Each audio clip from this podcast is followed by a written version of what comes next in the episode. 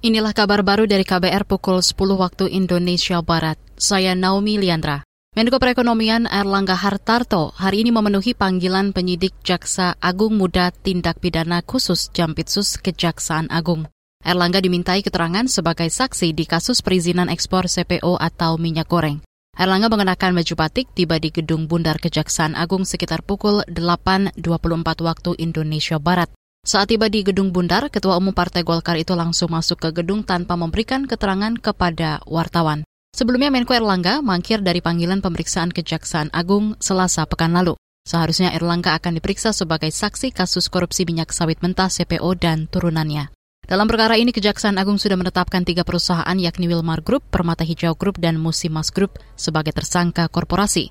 Penetapan itu merupakan proses hukum lanjutan di perkara korupsi izin ekspor CPO yang berlangsung sejak April 2022. Saudara, Kementerian Pertanian memperkirakan harga telur ayam akan terus menurun sejak pertengahan bulan ini. Direktur Perbibitan dan Produksi Ternak Kementerian Pertanian, Agung Suganda, menjelaskan harga telur ayam di Pulau Jawa sejak pertengahan bulan ini mulai turun menjadi 25 hingga 26 ribu rupiah per kilogram.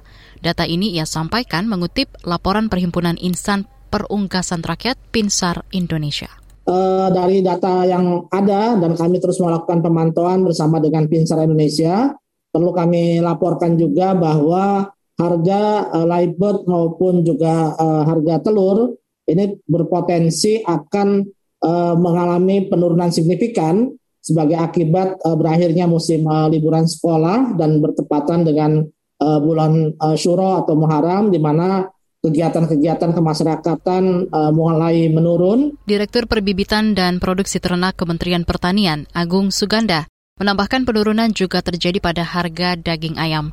Data Pinsar Indonesia menyebut harga daging ayam di Pulau Jawa sejak akhir Juni mulai turun jadi 22 hingga 23 ribu rupiah per kilogram.